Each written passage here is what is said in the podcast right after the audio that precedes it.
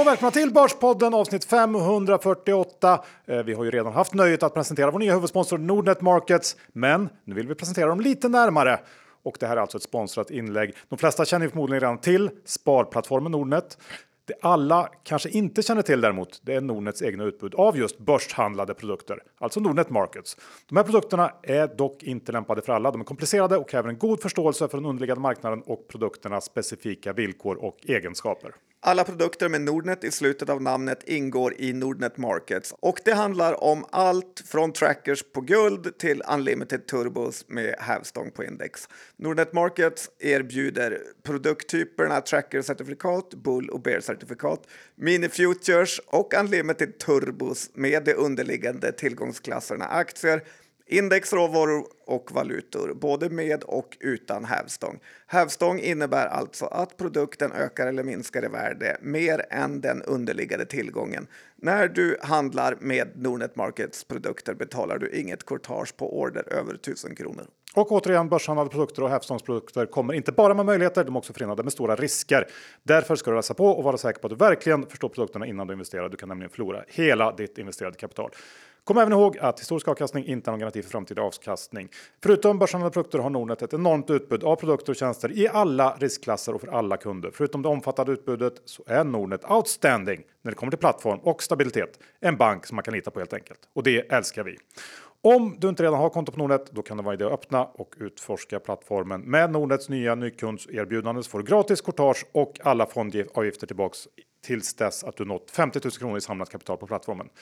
För erbjudandet gäller också max 500 aktieaffärer per år. Vi säger stort tack till Nordnet och Nordnet Markets. Jaha John, två rätt sura och besvikna killar som sitter i källaren idag. Ja, det här är ju dagen innan man lyssnar på det, för när ni lyssnar är det ju Super Wednesday med alla våra haverirapporter som kommer samma dag. Kambi, Firefly och Flexcube. Eh, vi är ju mentalt för svaga för att kunna spela in eh, på rätt dag. Precis. Men idag kommer det ändå bli en småkul podd. Bitterheten brukar ju öka vår krispighet. Det går ju som någon typ av barometer där. Så det är ju börsdumpen, det är familjer som har svikit eh, och eh, mycket mer. Så är det. Är det något mer? Kanske något litet mer. Härligt. Johan, Dr. Bass Isaksson, index är 2412. Eh, från ingenstans har det väl kommit lite sån här håsighet nästan och vi klättrar över 2400-strecket på index. Vad är din kommentar? Nej, men vad ska jag säga? Ja, din kommentar? Att börsen går rakt upp och mina aktier går åt... Rakt ner. Precis motsatt. Ja, det är faktiskt eh, fascinerande. Dåligt. Eh, och då har man ju fel aktie får man säga. Man har varit för kass. Det är svårt att skylla på börsen. När den går rakt upp och ens egen aktie går rakt ner. Jag brukar skylla på bolagsledningarna och det kommer jag fortsätta med. Ja, det kan man också göra. Men det är ju inte de som har tvingat dig att köpa aktierna. Lite så, men de har ändå underlevererat. Ja, det håller jag med om. Eh, nej, men annars är det inte så mycket nytt att ta upp här på den liksom, övergripande nivån. Eh, det ska bli bättre här under andra halvåret säger alla och eh, det verkar räcka gott och väl för börsen just nu som lever på hoppet. Lite fascinerande att inflationen verkar inte ge med sig, men det spelar ingen roll för börsen riktigt. Nej, det spelar ingen roll. Nej. Men kanske gör det sen då. Börsen vet ju alltid bäst. Faktiskt. Det är svårt och ingen hör det skrika på börsen. Nej. Och en sak jag funderar på John är ju om man kanske ska helt eh, eller delvis ändra sin strategi när det gäller, när det gäller vilka aktier man köper. Nej, men, när man sitter och tittar på vad som går bäst på börsen mm. så är det ju eh, kanske inte bolag som är särskilt billiga. De är ganska dyra, ja. väldigt dyra. Eh, typ Hemnet, Yubico nu senast. Atlas, Epiroc. Ja, man kanske bara ska köpa sånt som levererar hyggligt och som alla gillar eh, och som går upp.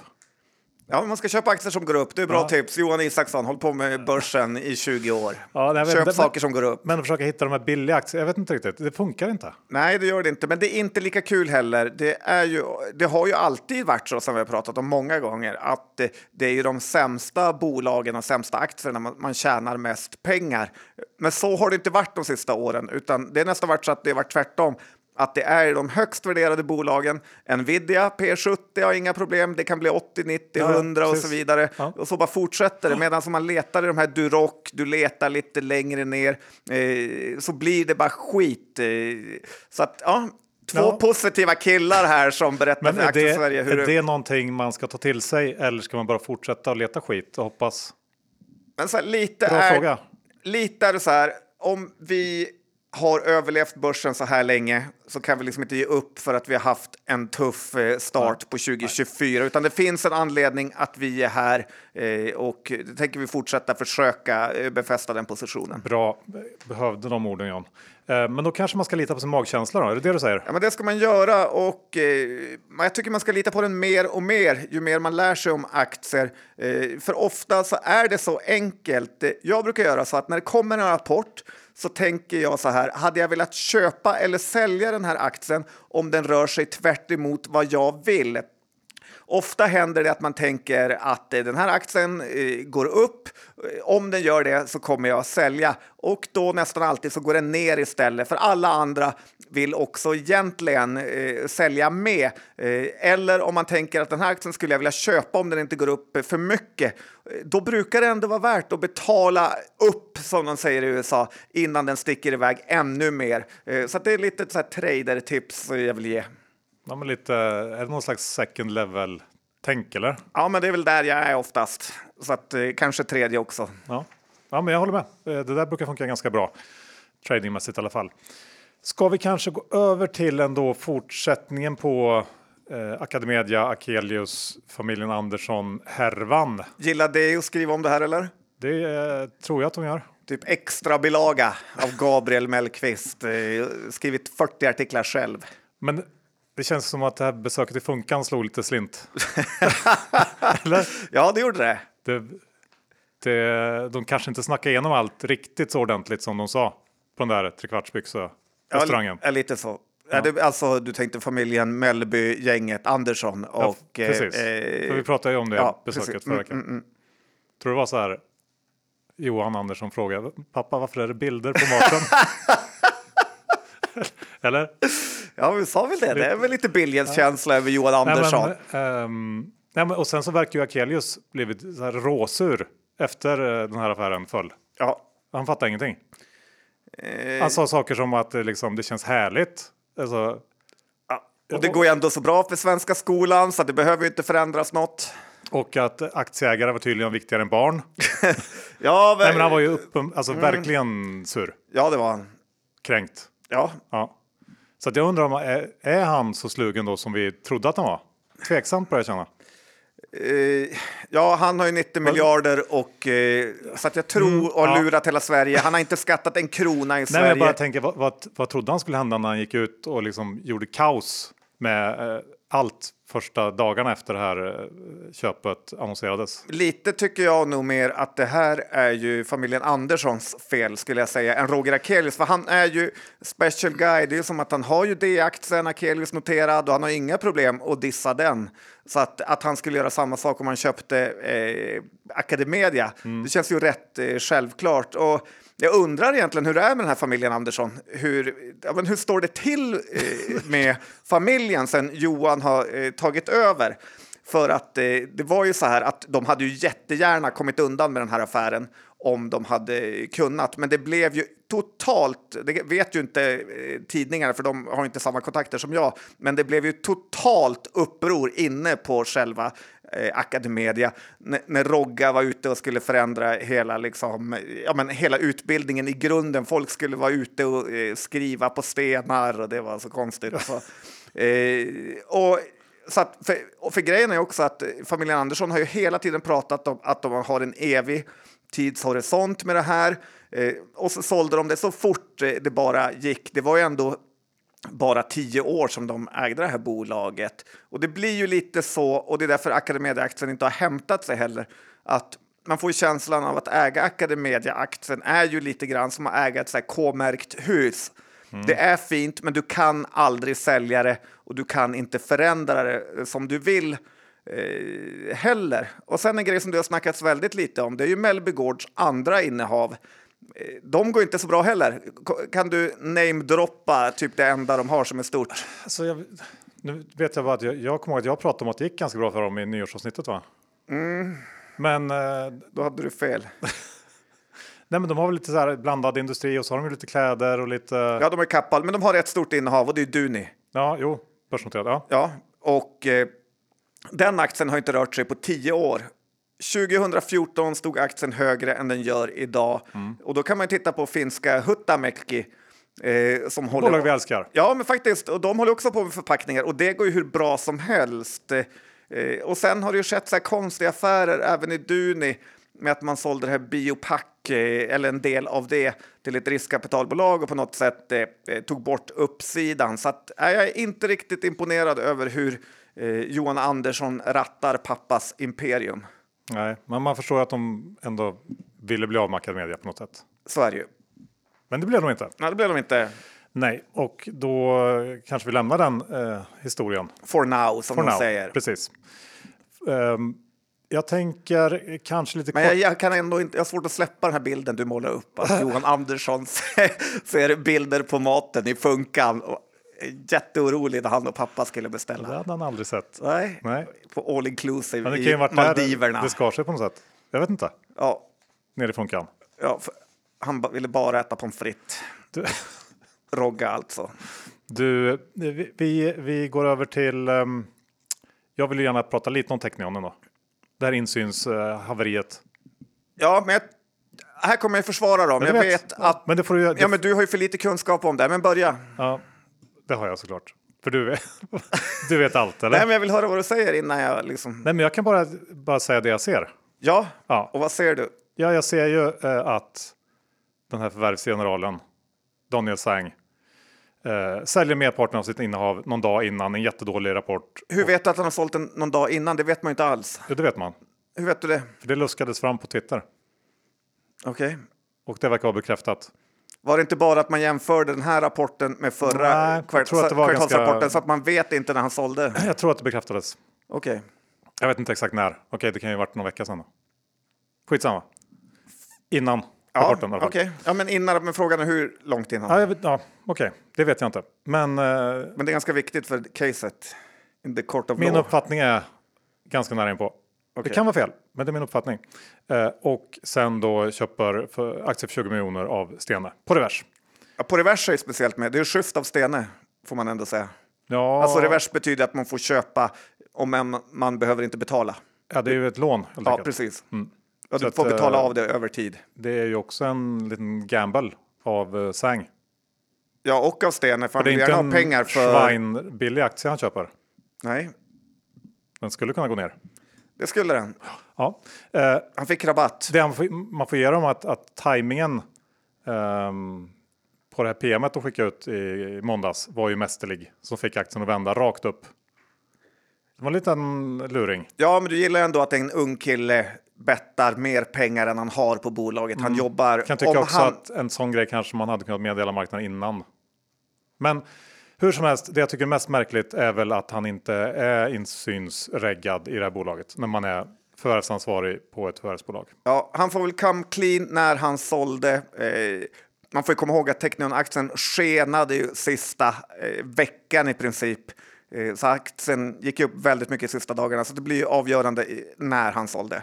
Men såklart håller jag helt med om att han borde vara insynsreggad. Bra, då har vi...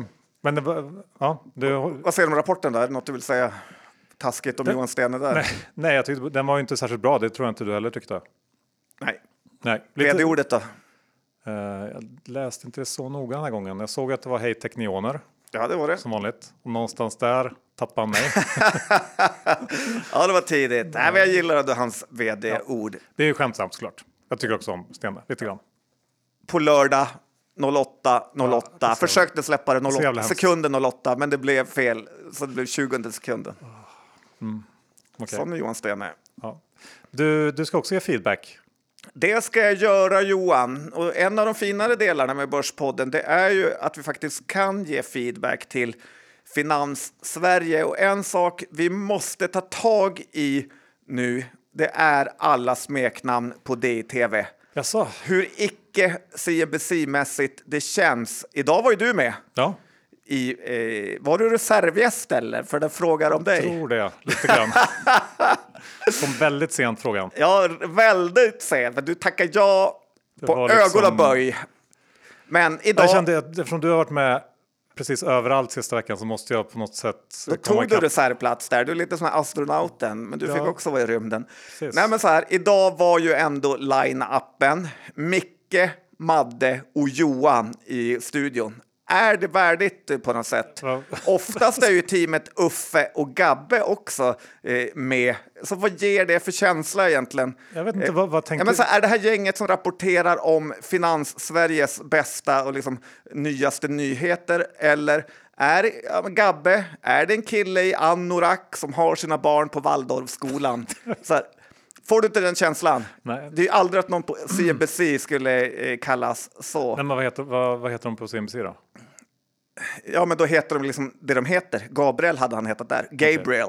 Okej, Gabe. så det är just det här. Men Johan sa du Ja, men du har, har du något smeknamn? Vad ska jag Nej. kalla det? Jompa. Och så Madde, Micke och Jompa är med. Och, Ja, men det sa de ju inte i alla fall. Nej, Nej. de vågar inte. Nej, men eh, håller du med mig? Vi hade ju Madde där också. Det har alltid funnits, på alla ställen jag haft mina eh, barn på förskolan så har det alltid funnits en Madde. Mm. Och det är lite tatueringar, det är lite så här psykisk ohälsa, problematik. kan vara, eh, ja. eh, Absolut. Uffe, vem heter Uffe i finanssammanhang? Du får ju lite känslan av att det är en lokförare som sen är omplacerad på grund av missbruksproblematik till Kan vara hittegodsavdelningen. Ja, det kan vara det. Ja, men så här, det är ingen diss till eh, det i tv, för vi tittar ju nästan jämt. Sen kan man ju säga, de kan ju inte välja, alltså de heter ju vad de heter. Ja, fast de kan ändå uttala namnen. Så det, det, det, är den stora kritiken här. Ja. Sluta med de här kort... Ja, men håller du med eller inte? Nej, det ska vara personligt. Jag kan inte säga att det här är någonting som har, har liksom, som jag har tänkt jättemycket på. Okej. Nej. Ja, men jag har tänkt Men på det är kul att du tar upp det. Ja, Ja. jag tar upp det. Ja, men bra framträdande av dig idag faktiskt. Tack. Vi eh, ska också prata lite om, eh, kanske som knyter ihop hela den första delen. Då. Börsen är svår helt enkelt. Ja, men den är väldigt, väldigt eh, svår. Och eh, vi satt ju och gnällde här på kontoret hur svår börsen är. Och då sa ju någon den här klassiska grejen att om det vore lätt hade alla gjort det. Eh, men det är ju precis det som är grejen Johan, att precis alla håller på med börsen. Det är via PPM, tjänstepension eller sparande eller tradande på något sätt, även om man inte ens tradar eller även om man inte ens har en endaste krona, så är man ju ändå en del av ekonomin. Väljer du Axfoods Eldorado-grejer eller går du för Heinz eh, ketchup? Köper du en Toyota eller Volkswagen? Eller har du ingen bil och köper liksom cykelhjälm? Alltså det blir patetiskt att fortsätta så här, men du förstår. Ja. Eh, och lägger du då till en Putin, en co- eh, covid-epidemi, Ingves, så förstår man ju att det är, det är nästan lika bra att ge upp innan man ens börjar med börsen. Eh, kanske inte jättehoppfullt sagt, men det är ju väldigt, väldigt svårt. Och har man det tufft ibland så ska man inte bryta ihop för det. Men du vet ju vad 50 Cent eh, säger Johan. Påminn mig gärna. Get rich Jag vet. or die trying.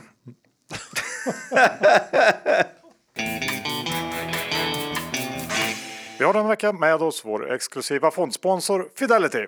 Rickard, förra året vid den här tiden så diskuterade alla ekonomer att världen och framförallt Europa var på väg in i en recession. Eh, blev det så?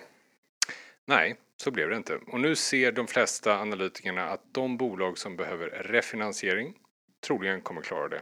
Mycket drivet av de här långa räntorna som började falla redan under hösten. Men det finns vissa sektorer och, som är mycket beroende av finansieringen. Och där har vi sett att, eh, redan sett att räntemarknaden har prisat in det här i spreadarna som har dragit iväg mot en då lägre räntemiljö. Extra intressant att hålla koll på är framförallt Corem idag som rapporterade. Och fastighetssektorn är den sektorn som främst gynnas av att räntorna nu kommer ner. Det var nyligen räntemöte inom ECB. Vad hände där?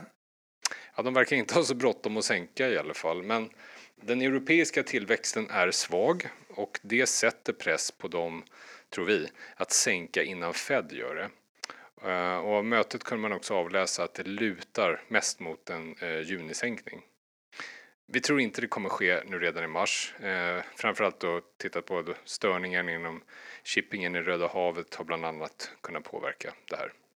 Vi ska också påminna om att investeringens värde kan minska och öka. Det kan hända att du inte får tillbaka det investerade kapitalet. Historisk avkastning är ingen tillförlitlig indikator för framtida resultat och åsikter uttryckta kan redan ha på och inte längre gälla. Och investeringar på tillväxtmarknader kan vara mer volatila än på andra mer utvecklade marknader. Vi säger stort tack till Fidelity International! Vi är denna vecka sponsrade av Saveland som ger dig stabil avkastning utan tur och timing genom att investera i räntor. Och John, det är ju så att Saveland fortsätter att leverera positiv avkastning till alla spararna månad för månad. Det är faktiskt så att det inte har varit någon månad med negativ avkastning sett då till genomsnittlig avkastning sedan 2016. Ja, det är något vi gillar väldigt mycket, att man inte har alla pengar på börsen utan här får man ett stabilt kassaflöde från någon annanstans. Och Johan, man kan ju välja mellan tre olika sparstrategier. Ja, utifrån då sin egen riskaptit, avkastningsförväntan och sparhorisont. Ja, du är väl kanske en balanserad kille? Det är jag. Du då? Ja, men jag är väl lite mer frihetskille. Mm, och, sen, och sen finns det något mittemellan. Ja, Yield. precis. Så tre olika strategier kan man få förhjälp att välja av eh, Saveland. Och det är ju väldigt smart faktiskt. Dessutom John så har vi såklart den här bonuskoden till alla lyssnare. För använder man koden Börspodden och är ny användare, ja då får man en bonus. Och sätter man in 5 000 kronor eller mer så får man en bonus på 200 kronor. Sätter man in 10 000 kronor eller mer så är det en bonus på 400 kronor. Och så där fortsätter det ända upp till en miljon kronor som ger en bonus på 10 000 kronor. Fantastiskt. Missa inte denna gratis lunch. Det ska man inte göra. Om det så säger vi ett stort tack till Saveland! John, borde inte vi vara rikare än vad vi är egentligen? Det borde vi verkligen vara. Jag tänker på det rätt ofta när man ser börsens eh, reaktioner. Eh, Ja. Vad tänker du på? Nej, men jag tänker på ett bolag du ska prata om. Viaplay? Ja. ja, precis. Jag tänker så ofta att det är så sjukt att vi inte är jätte, jätterika.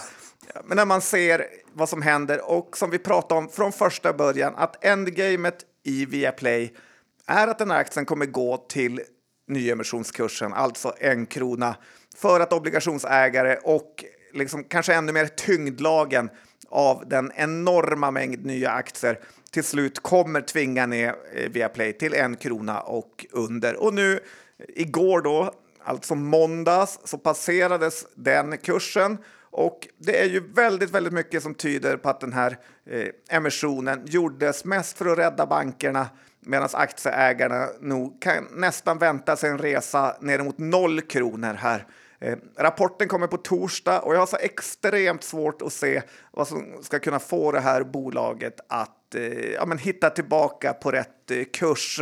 Det var ju du som berättade om det här Johan för något avsnitt sedan. Men eh, du kommer ihåg den här danska chefen Lars Bo Jepsen som lastade in aktier för bara en månad sedan för 800 000 och de är nu värda 200 000 kronor. Så att eh, om han en, man brukar ändå vara räddare om sina egna pengar än eh, man är om företagets pengar. Fatta då hur orädd han är om företagets pengar när han gör så här med sina egna. Ja, väldigt, väldigt märkligt. Ja, och Viaplay, är det nog kört för det här bolaget. Schibsted eh, skickar ut sina. Jag vet inte vad man ska hoppas på här, men hoppas inte på för mycket. Bygg inte din portfölj kring Viaplay. Nej, det är väl det enda man kan tänka sig är väl kanske om de lyckas börja sälja av delar och så där på något sätt som gör att det finns något värde att hitta. Men jag vet inte, jag kan det för dåligt. Ja, Man kan det för dåligt och de som säljer alla sina aktier kan det nog bättre än vad om man är en liten småsparare här. Men man kan, man, det man kan implicera är väl också kanske att det är mycket sälj som är ganska mekaniskt nu av till exempel sådana här eh, skuldägare som fått konvertera delar av skuld till aktier som inte vill ha aktier och som antagligen bara vräker ut dem. Det kommer ju pågå en period där, men det, det kanske trycker ner det lite extra så att det skulle ju finnas någon kunna finnas någon typ av trade i det. Att Ja. det är lättare. Ja, ja, det är så här, ingen vet ju framtiden, men att den här aktien skulle till en krona under var ganska självklart. Det var det. Eh, sen har vi då eh, Truecaller. Alan Mm. och Johan, team Alan och Johan, ni har inte levererat så bra idag. Nej, nej, aktien går ju ner idag. Det får man ju så att om det, om det är det man bedöms på. Här, Johan Kaplan. Om det så ska- om det så ska vara. Okej. Eh, Eh, nej, men jag tyckte rapporten i sig var ju ändå helt okej får man säga. Eh, stark, eh, väldigt stark kostnadskontroll, vilket de har haft hela året. Stärkt marginal trots att intäkterna faller lite mot föregående år. Vinsten steg ju faktiskt med 24 procent. Fanns också tror jag en oro för att annonsmarknaden skulle kunna vara ännu värre än vad det var, men ändå vänt upp lite grann från Q3. Så att, ja, man kanske kan hoppas att vi har sett eller ser någon slags botten i den där annonsmarknaden nu. Eh, även om, om Truecaller skriver i rapporten att de inte ser någon närliggande förbättring eh, och att visibiliteten är, är låg. Ehm, så ja, det, det får man väl hoppas på. Sen var det också lite lägre användartillväxt än vad vi sett under de senaste kvartalen. Det guidar de också för Q3, så det var ingen stor grej. Men eh, det jag tror marknaden reagerar negativt på idag är ju det här eh, snacket om att man eh, kommer köra en del riktade tillväxtinvesteringar som på kort sikt eh, kommer ha en negativ påverkan på lönsamheten och eh, som jag tolkar det så handlar det om investeringar för att öka återkommande intäkter eh, och då framförallt utanför Indien och ur bolagets perspektiv kan jag tycka att det är helt rätt sak att göra. Sen förstår jag också att marknaden gillar inte det här. Det kommer att, att dra ner vinsten under Q1, säkert Q2 också, så att det blir väl lite kortsiktigt eh, tråkigt bara, tror jag många tycker. Ja, eh, stämmer det så är det ju bara bra för Truecaller att de bygger bolag så att säga. Eh, men det är väl det börsen alltid är rädd för när det eh, kostar pengar. Lite hånades jag här i morse med Eniro i Indien till P20, eh, sjunkande försäljning. Eh, ja, ja, det är inte P20, det är väl lite så här 10 gånger vinsten typ nu. Men om du, ja, ebit då. Ja, men ebit. Hur mycket pengar har de i kassan? 1,6 miljarder. Okay. Och 25 miljoner aktier som ska makuleras dessutom, så det är bra. Eh, och ett nytt återköpsprogram kommer antagligen att komma igång, för det ska de be om på stämman. Så att de gör ju ändå lite grejer och eh, men i stora hela tycker jag ändå att det var en bra rapport, men ja, med lite svagare utsikter så ja, då är det svårt i den här marknaden nu och det här är, ett det är ju en aktie som inte är jättepoppis får man säga. Så att eh, ganska blankad. Ja, då blir det så här.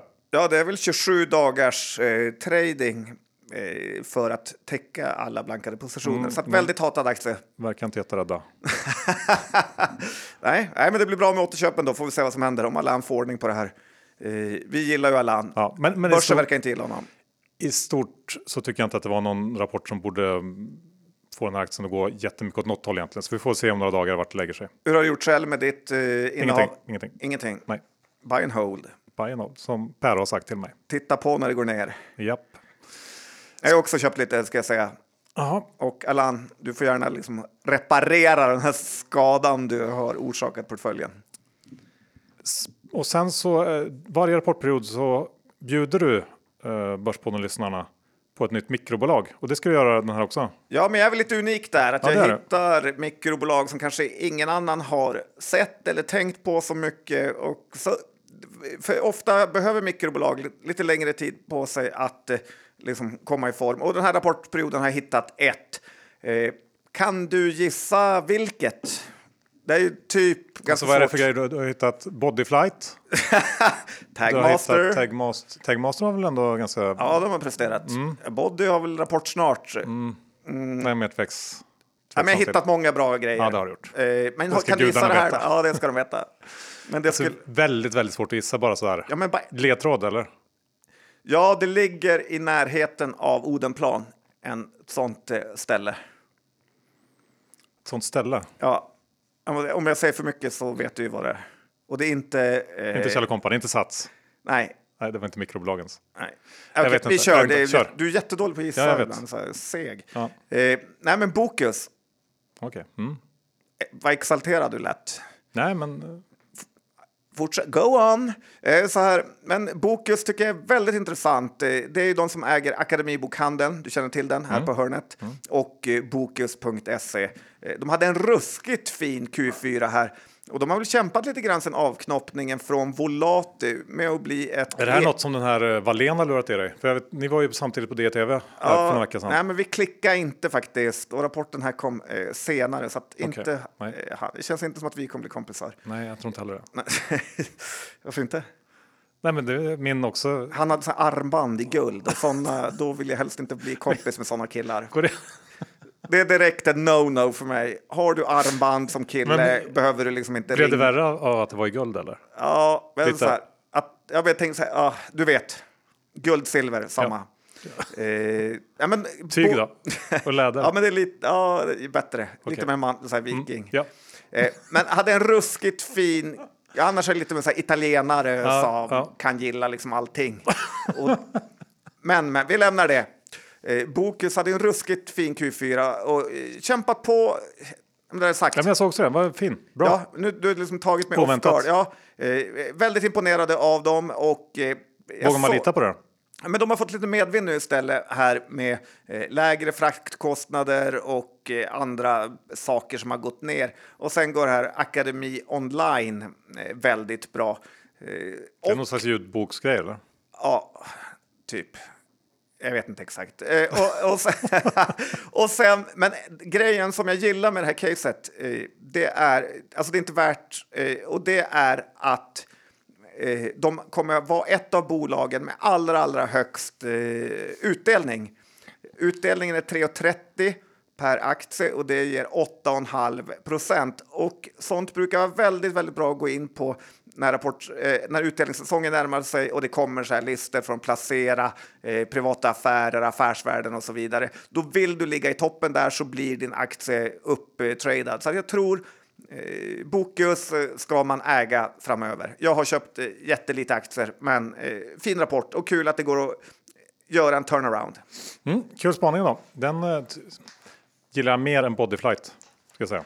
Såg du när jag flög runt i Bodyflight? Mm, tyvärr. Ska vi ta, säga någonting om Storskogen eller? Ja, men det tycker jag. För där har också hänt grejer. Kaplan, Ja, Kaplan. men kom ju med en svag Kaplan tror jag. Kom ju en svag rapport i veckan och så följdes det upp av att grundaren och vdn då, Daniel Kaplan fick sparken. Och vad vill vi säga om det då? Det gick inte att ha gratis pengar som bärande del i affärsmodellen, för det är väl det de har haft. Ja, Jag förstår inte varför man sparkar eh, Kaplan här. Det är ju ändå eh, posterboyen och det känns som att han har jobbat arslet av sig för det här. Eh, han att, gjort. att, att de ska kunna vända det. Känns det som att man gillar honom ändå? Får man Ja, säga. ja, Och att det var så här, ja, man satsade friskt och förlora. och det gick inte. Nej. Och så kan det vara. Det är liksom inte så mycket mer med det. Men han tog det som en man. Ja, det tror jag. Han var aldrig så här gnällig. eh, Han, Rätt glad. Jag visar aldrig svaghet. Nej. Eh, härliga ideal vi har. ja, men man får säga ändå, han, Ja. var, han var stark i motgången. Ja. Och nu han sparken. Och då köpte han aktier. Ja, det är ju fruktansvärt starkt gjort. Ja, eller liksom något fel på han. Mm. Eh, för jag skulle ändå känna hat om jag har gjort allt det där. Men han köpte ändå för en miljon. Ja. Mm.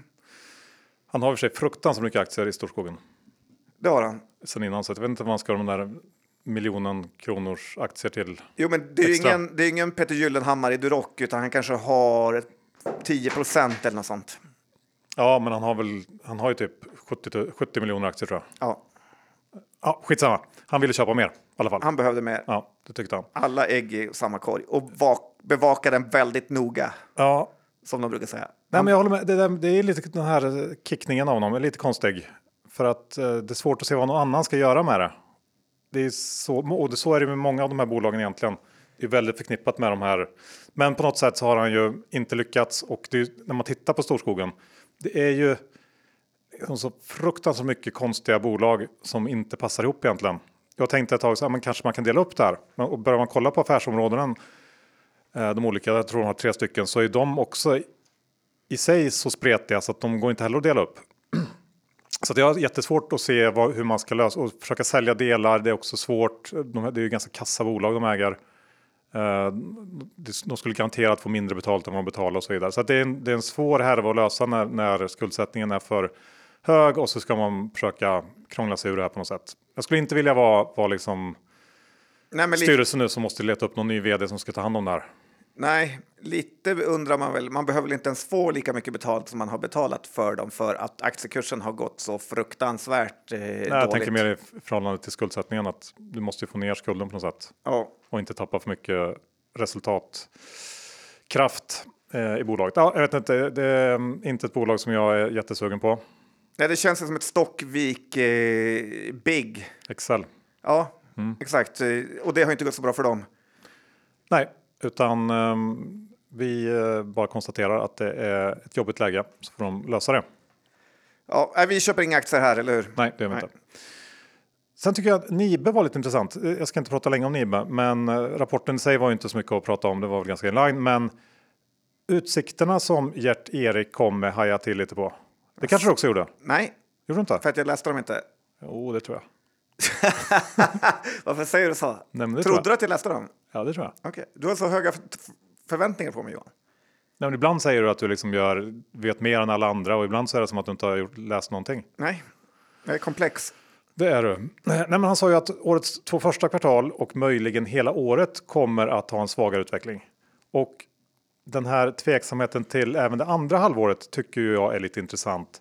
För den skiljer sig från eh, vad i princip alla andra lite större bolag sagt om vad de tror eh, om 2024. Håller du inte med om det? Jo, så är det ju. Och Alla lovar ju bättre Ingen vet ju riktigt half. om andra halvåret. Så att jag tycker att det är intressant att ja, men Gert-Erik väljer istället då den andra vägen. Ja, eh, men Och sen... jag antar att Nibe är väl ingen som, det har vi pratat en del om, men räntor är väl en inte helt oviktig komponent när det gäller deras försäljning och att den ska komma ner och så vidare. Det, det är ju ändå en del komponenter som borde vara liknande för många andra bolag. Tänker också att det borde gå mycket till nybyggnation och sånt. Och Sant. att eh, man vet att det startas inte så mycket så att det, Nej, man kommer inte visst. eh, sälja så Men det mycket. borde ju gälla många andra branscher också tycker jag. Ja, hur som helst, jag tyckte att det var lite intressant att den var eh, lite mer negativ än vad många andra har sagt. Och igen, återigen, otroligt eh, fascinerande över hur börsen vissa perioder bara kan älska, älska sådana här bolag. Det spelar ingen roll vad multipeln är, alla förvaltare ska ha ägare. Och nu är det lite så här dystra miner istället. Ja, och på tal om dystra miner så är det ju antagligen rätt dystra miner på Nobias head office. Ja, det är frågan Eller? om det är det. Men så här, Nobia, köksbolaget med HTH-kök och sånt. Eh, med Nordstjärnan som är stor ägare där. Det är ju bland de sämsta bolagen på börsen faktiskt. Det har ju varit det under en ja, men 15 års period. Nu har man sålt nästan alla vinstgivande delar i bolaget och så har man satsat jättemycket på sin Jönköpingsfabrik eh, som har kostat otroligt mycket och det har havererat eh, det här bolaget. Jag tycker det är konstigt att media inte rapporterar mer om den här Jönskö Jönköpingsfabriken. Som, Vad ska de säga om den då? ja, men hur dålig den har blivit. Det är Västbygg som har gjort den också, eh, börsnoterat. Eh, eh, en grej som du såg som kom i den här rapporten, det var ju att man eh, meddelade eller annonserade en sån här wipe-out nyemission. Såg du det? Jag såg det. Man gav ingen kurs, och vilket är ju absolut sämsta man kan göra när man annonserar en nyemission. 1,25 miljarder var det. Ja, 1,25 miljarder, vilket nu är ju ungefär lika mycket som hela bolagets marknadsvärde. Så att det blir en riktig så här wipeout eh, nyemission. Rapporten då, den negativ försäljning såklart, stor förlust. Vdn slutar och då lämnar ett, eh, ja, men ett haveri och kapsejsat bolag bakom sig. Jon Sintorn eh, kommer tyvärr att hamna på börsdumpen efter att under sina fyra år, som han själv säger, haft en tillfredsställande tid. Eh, man är inte imponerad av sånt. Vad har, vi, vad har vi på Jon egentligen? Det är ett namn som jag faktiskt passerat mig helt. Ja, och... Eh, det du någonting om honom? Det, nej, ingenting. Det kommer finnas på börsdumpen bara framöver. Aktien har gått under de här fyra och ett halvt åren han har jobbat där från 70 till 8 kronor. Så jag tror inte aktieägarna är så imponerade eller tillfredsställda heller. Så att, eh, Man kan ju bli tillfredsställd på olika sätt. ja, men jag tror tyvärr Jon Sintorn får eh, eh, faktiskt... Han förstår själv att han hamnar på börsdumpen. Det tror jag han förstår. Ja, så att tyvärr, Trist för honom. ännu ett namn där. Det börjar bli välfylld varje vecka. Så är det. Någon som inte kommer hamna där är ju Stina på Yubico. Verkligen inte. Det är ju vilken superstar. Har du tackat mig för julklappen? Ja, det var ju väldigt bra av Snällt. dig att välja börsens typ eh, bästa bolag och ge det till mig i julklapp. Ja, Mm, tack så mycket. varsågod. Eh, nej men Yubico kom ju med en, en eh, väldigt stark Q4 där det väl framförallt var orderingången som, som eh, stod ut, steg med drygt 80 procent. Och eh, ja, JBK är väl helt enkelt väldigt bra positionerad i den här cybersäkerhetsmonstertrenden och eh, känns inte heller helt lätt att få exponering mot den typen av bolag. Och kanske det är en delförklaring till aktiens helt galna utveckling på slutet. Den är upp över 40 procent sedan den här rapporten i fredags, vilket är lite svårt att ta in. Upp över 70 procent i år. Jag vet inte riktigt vad man ska säga om det. Och, det, och då får man också komma ihåg att det gick att köpa den här på 100-lappen jättelänge efter eh, ja, att den här affären annonserades. Ja, de som tog i den riktade på 100 är inte heller helt missnöjda nu. Och nu är Eh, den de dryga 220 tror jag. Ja, jag såg att de fick höjd riktkurs här om det var någon stor bank som en bit över 220 eh, faktiskt. Eh, otroligt och de gynnas väl såklart av liksom Rysslands eh, cyberkrig också. Ingen vill ju ha de här hackningarna som Svenska kyrkan har haft, som eh, Tito Inator, eller Tito Ja, Every heter de va? Alla deras Rusta och så Ja, vidare. Mm. Så man känner ju ändå att folk tittar nog vad Yubico har för lösningar skulle jag Det säga. jag Eh, kan vi inte gå in på eh, C-packen då, eller Kradespacken? För den, de har ju inte gjort något förvärv och det börjar ju nästan kännas lite pinsamt när man just tittar på Yubico. Eh, läste du eh, vd-ordet i eh, C-pack, Kradespacken? Det gjorde jag inte. Så, nu är det 1-1. Mm, men jag tror inte att det var särskilt... Eller vad sa de då? Ja, vi tittar och vi lovar att göra allt för att försöka hitta ett förvärv. Ja, men det var inte grejen. Det var Jag tror faktiskt nu, nu, det som förstärker Jag tror jag faktiskt läste det där. Och, ja, det är för sent, man kan liksom inte ändra Men jag sig. gjorde det. Eh, ja, men han först, ja, vad handlar- visst stod det? Ja, I, alltså Nej. man bara kokar ner det sammanfattnings, sammanfattningsvis. ja, men vad var själva grejen med hans vd-ord? Det var ju att han körde det i musikaliska toner och att han förstärkte ju enormt sin överklasskänsla med Vadå musikal? Hur menar du? Ja, ja, men det skulle gå i musikens eh, tecken. Eh, det var som en liksom, eh, överklass Johan Stene på något sätt. Och sållar han sig till Stenes gäng? Ja, men det var dissonans hit och det var durackord dit eh, som han beskrev. Okej, det här läste jag inte kan jag säga. Nej, så ljug inte. Det liksom, känns bara värre efteråt. Eh, men något förvärv görs inte. Det som är kul, är att man, eller bra, är att man taktar 75 öre i vinst i kvartalet.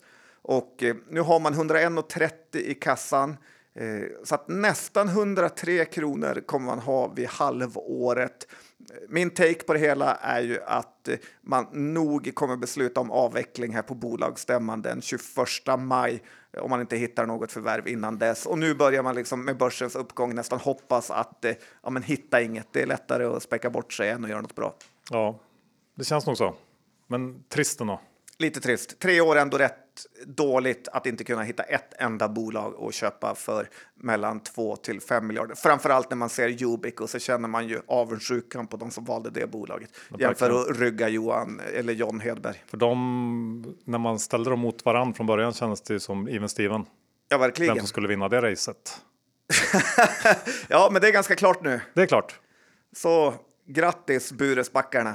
Ni vann. Och John, eh, innan vi avslutar helt så har vi ju faktiskt tagit hit en eh, kille som eh, vi var lite kritiska mot. Eller kritiska, vad var vi? Vi var lite frågande kring Revolution Race. ehm, Det, det blev aldrig någon riktigt god stämning i studion kändes det som. Men vi är ju tvungna att vara hårda mot de hårda Johan.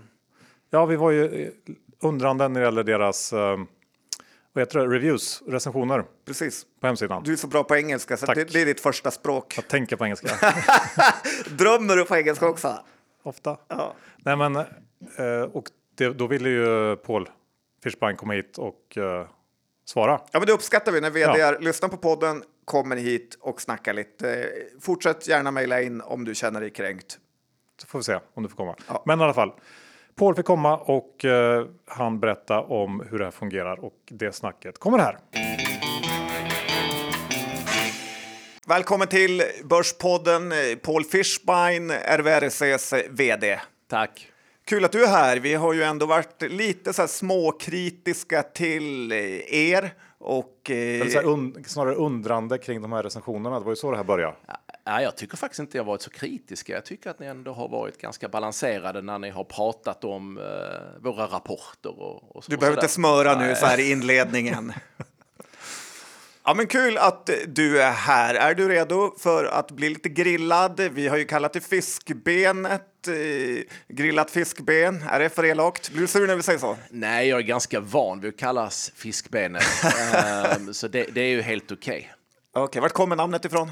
Ja, men det är ett, eh, det är en lång historia, men det är i grunden ett judiskt namn. Eh, och eh, det, det- finns lite olika historier om hur det uppkom. Och eh, nu, min släkt, får man titta bak 1700 och 1800-talet så kommer de från Polen och eh, då passerar man olika typer av gränsstationer. Och när man skulle över till någon form av tyskt område så hette de någonting mer polskt. Men de hade svårt att uttala det och man hade liksom inte namn och pass på den tiden. Så han sa, "Ah, har ni ett nytt pass?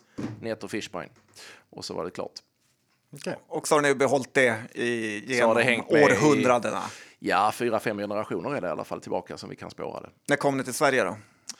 Jag vet att- Folklivsforskaren John Ja, Skogman. min farfars far, om vi fokuserar på namnet, kom till Sverige 1860, 1870, någonting sånt där. Så att vi har varit där ett tag nu i alla fall. Okej, kul. Och nu är du Börspodden-studion. Ja, Berätta lite, lite kort om eh, RVRC, alltså Revolution Race. Ja, Revolution Race är ju ett eh, outdoorbolag som företrädesvis säljer kläder, men även skor och väskor. Ehm, vi säljer det uteslutande på nätet, direkt till slutkonsument. Och själva modellen är ju att vi säljer våra kläder eh, till hög kvalitet om man jämför med jämförbara konkurrenter fast försöker hålla halva priset. Det är liksom det som är, gru- är grunden i själva grunderbjudandet. Sen så har ju varumärket och produkterna också det finns ju ett, ett, ett sortiment med mycket färgalternativ. Det är lite tajtare passform och eh, hög kvalitet som sagt, men till halva priset. Och lite så här karismatiska ägare med Nyrensten och sen med Darth Vader som vi har pratat om, Altor. Ja, Altor är ju vår största ägare och grundarparet eh, Pernilla och eh, Niklas Nyrensten är ju, äger 20 procent så de är ju näst största ägare i bolaget. Men, men du halkar ju in lite grann på ett bananskal på, på vd-posten väl? Ja, eller bananskal vet jag inte, men, men ehm, jag var ju ordförande. Jag har ju varit Ja, med exakt. i bolaget nu i tre, nästan tre och ett halvt år och ehm, så jag kom in där, eh, nu ska vi se, ehm, årsskiftet 2021. Så jag har varit med några år nu och eh, var ordförande fram till eh, ska vi säga, augusti 22. Och när Pernilla då, bolagets tidigare vd, valde att säga upp sig så eh, blev jag då först interims-vd och var det två, tre månader och när vi kände alla att det här verkar ju vara en bra lösning så fick jag frågan om jag eh, ville ta över som permanent vd. Så nu har jag varit det i ett och ett halvt år. Och det har gått fruktansvärt bra aktiekursmässigt under den här tiden. Ja, alltså, vi, jag tycker att vi har gjort ett bra jobb i bolaget och det är väl liksom det vi har fokuserat på. Och sen eh, har, ju, har det visat sig att marknaden också uppskattat det vi har gjort, så det, det har ju varit ett resultat av det i sig. Men vi, vi pratade ju här för några veckor sedan om alla era recensioner. Ni har, vad är det, 550 000 plus recensioner? Ja, precis. Ja, vi har lite mer nu. Vi mäter ju det i princip dagligen, hur mycket det strömmar in. Och det låter ju väldigt mycket. Ja, Kan man- För vår grundkritik var väl att ett av era eh, byxpar har 31 000 recensioner och tittar man då på kanske konkenryggsäcken på fjällräven så har de 87. Att det är sån absurd, absurd jag uppfattar man inte det riktigt som kritik. Ni sa väl att det var för bra för att vara sant. Så Ja. jag tänkte jag hörde av mig bara för att liksom beskriva att det är så bra. Eh, Men Berätta hur det ens är möjligt. För det finns ju inget annat företag som ens är i närheten, närheten av den här typen av eh, mängd recensioner. Mm, nej, men jag tror att man måste förstå liksom att det här bolaget är liksom, vi brukar kalla det born digital, men liksom det, det är fött digitalt. Vi har ju verkat på nätet sedan bolaget startades 2013-2014. Och det var ju en av de, alltså antalet, eller fokuset på att ha nöjda kunder och att få folk att recensera var ju något som var en av de grejerna som jag verkligen tyckte om när jag liksom kom i kontakt med bolaget för första gången. När jag drev 30.se för många år sedan så var det också en helt central del för att bolaget 30 var ju, var ju, var helt okänt när man startade. Så att ett, ett viktigt sätt för ett e-handelsbolag att liksom få trovärdighet i marknaden det är att, att andra kunder kan läsa att eh, det faktiskt är andra kunder som har köpt av det här bolaget och också tycker att man levererar bra produkter och en bra leverans. Ja, så. men det vill ju alla företag ha. Ja, så det var helt, helt centralt och något som jag tyckte om. Och sen ska man då, om man då jämför med Fjällräven till exempel, så ska man ju komma ihåg att, att Revolution Race, vi säljer ju alltså 100 av våra affärer går direkt till slutkonsument. Och vid varje sånt avslut så, så skickar vi efter några dagar ut ett mejl till eh, varje kund där vi ber den eh, kunden att recensera produkten. Det är, jag tror det varierar, men, men någonstans tio dagar efter leveransen så kommer det ut ett mejl där man då incentiverar kunderna att, att, att recensera produkten. Eh, jämför du med ett fjällräven så gissar jag att de har nu drar jag bara till med någonting, men liksom en väldigt stor del av sin försäljning går inte via deras egen hemsida. Den går via återförsäljare eller via antingen egna återförsäljare som Naturkompaniet eller andra återförsäljare eller via deras fysiska butiker som de också har väldigt många av. Så de har mycket svårare att liksom skicka ut den här typen av mejl och incentivera folk att gå in och recensera. Men blir det, så, det, så det är ett väldigt fokuserat liksom, eh, del av hela vår strategi. Alltså vi har en vision där vi vill bli världens mest rekommenderade autovarumärke och då ligger liksom eh, ligger det i sakens natur att vi är väldigt fokuserade på att få många recensioner. Men blir det inte konstigt att eh, begära in en recension tio dagar efter någon har köpt något på outdoorkläder som ska hålla i evigheter. Det här är kanske något man vill, eh, ja men man borde kanske ha fått provat ett år eller så, inte tio dagar. Ja, det kan man ju diskutera, men samtidigt tror jag det är rätt viktigt. Alltså, en stor del av recensionerna bygger också på att ge andra människor tips om det liksom är bra passform, om skorna sitter bra. Eh, man anger ju, det är frivilligt för sig, man anger ju vikt och längd och det är ett bra sätt för andra kunder att förstå vilken storlek som man själv ska köpa. Så att eh, jag tycker inte bara det är av ond, eller liksom. Men räcker det bara att skicka ut ett mejl och så recenserar folk? Nej, vi ger ju också ett incitament. Vi ger ju en rabattkod inför nästa köp. Vad är det, typ vi, 10 procent eller? Ja, 15 procent uh, ger vi då. Att om du skickar in en recension, sen spelar det ingen roll om det är en bra eller dålig recension.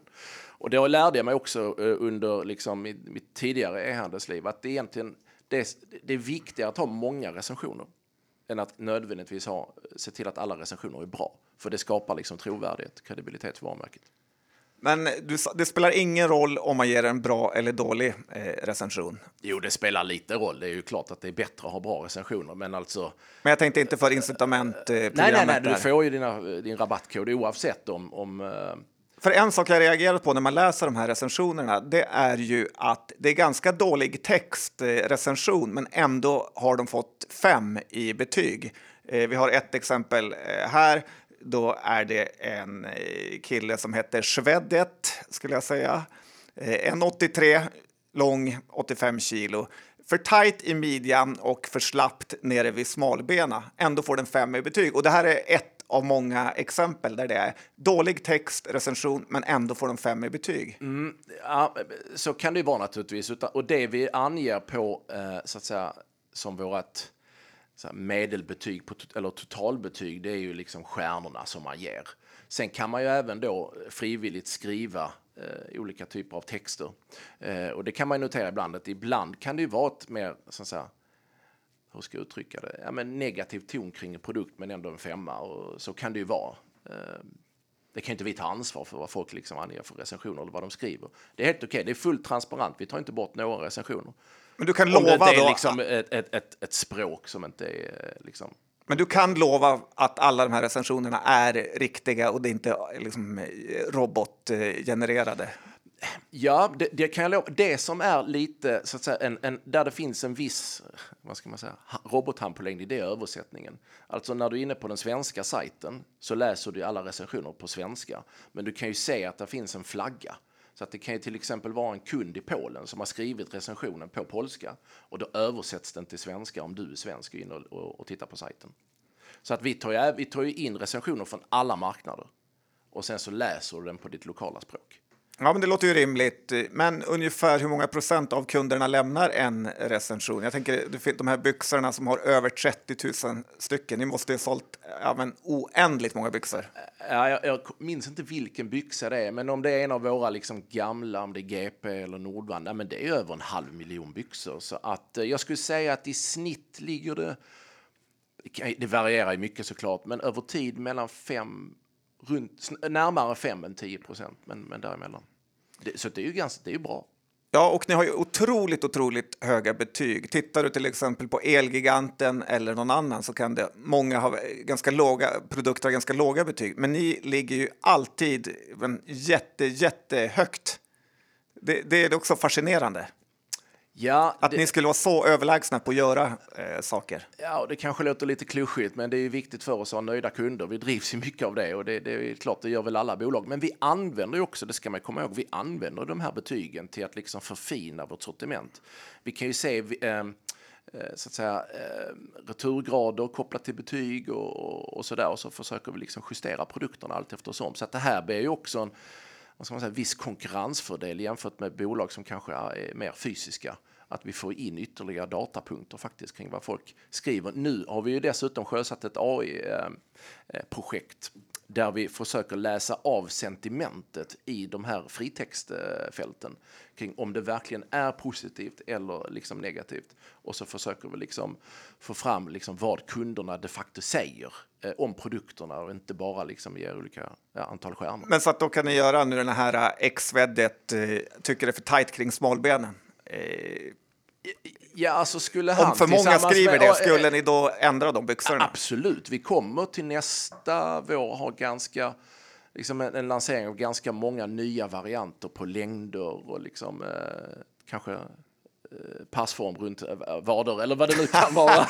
Bitig kille det där. Kanske någon så här för tjejerna ska läsa det. Precis. Men sen har vi det här med, ni, ni jobbar ju mycket med influencers också. Eller mycket, mycket, men en del i alla fall. Jag, jag, skulle säga att vi, vi har gjort historiskt. Mm. jag skulle inte säga att vi gör det särskilt mycket längre.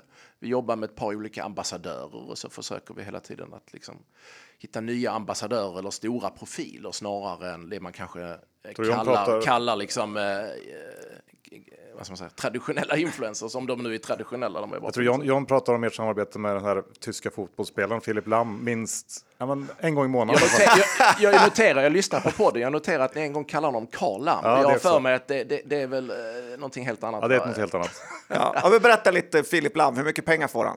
Hur är han? Ja, är han bra på fotboll? Är han så bra som han är på tv?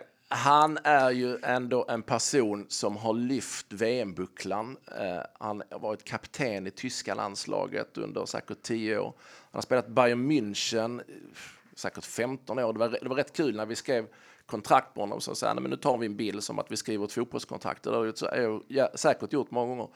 Så nej, nej, det här är mitt första kontakt. Jag spelat i Bayern München hela mitt liv. Liksom. Han är en back som aldrig blivit utvisad. Så han är, rätt, han är stor, 9 miljoner följare i, ehm, på, på sitt Instagramkonto. Han är faktiskt jättestor.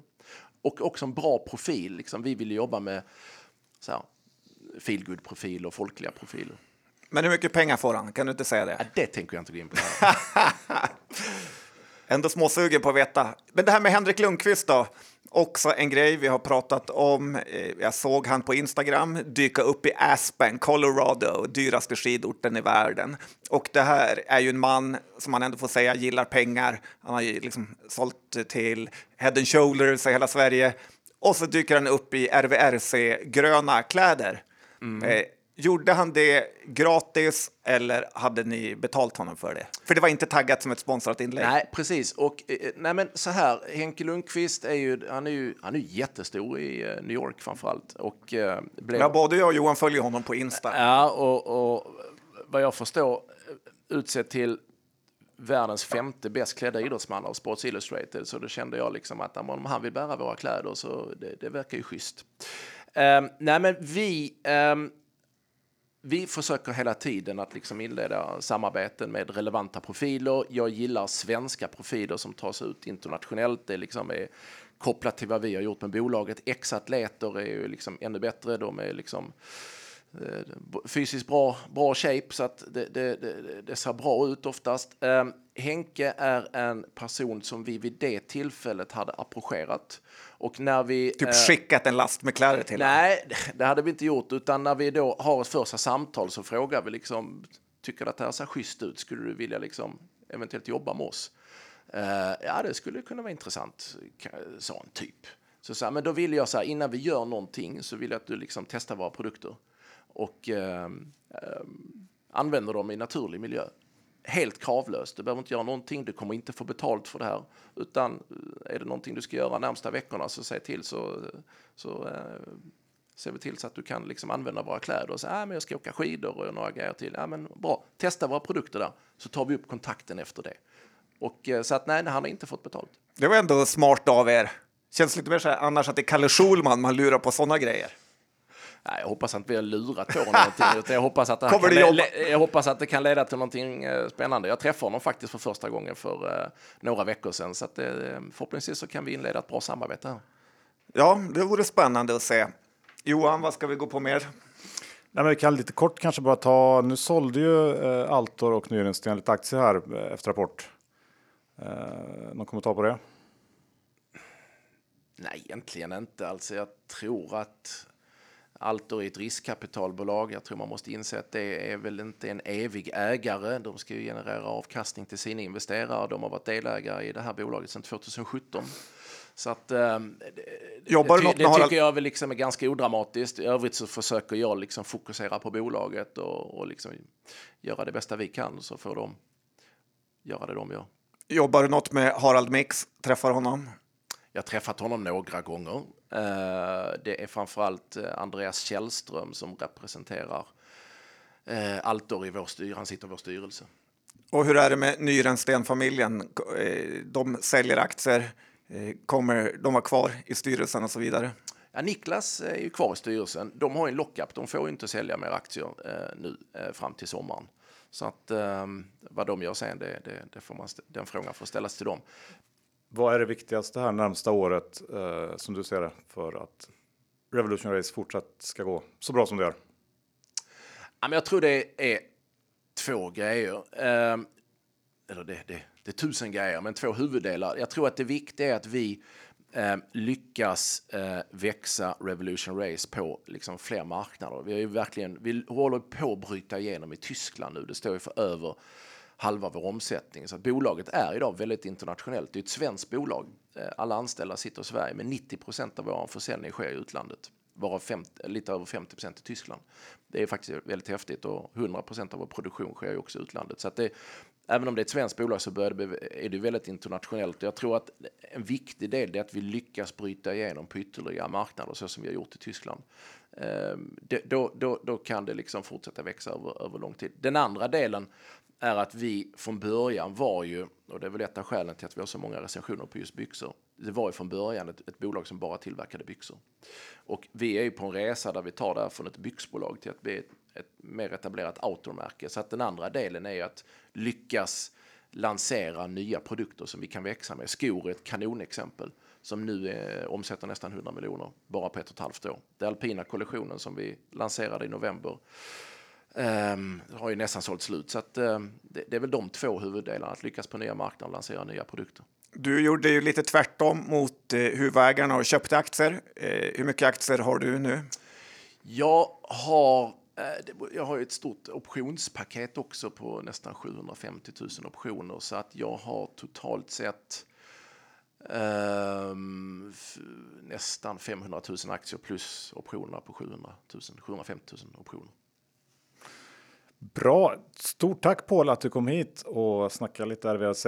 Vi kommer följa resan fortsatt Ja, med kul. stort intresse. Stort tack för att jag fick komma Ja, hit. Kul! Slut på avsnitt 548. Nu, hur är det med våra innehav John? Eh, Har vi några sådana? Vi har ju Truecaller, Procolia. C-packen. Tyvärr har jag sålt mina Yubico. Skulle jag inte gjort. Jag har också eh, flygbolaget. Och eh, eh, Alltså body- Bodyflight. Kroppsflyget. och sen har vi ju eh, lite av det här bok Bokus har jag. Jaså. Mm, bra. Tack för att ni lyssnade. Vi hörs om en vecka igen. Hej då! Ha det så bra, hej då!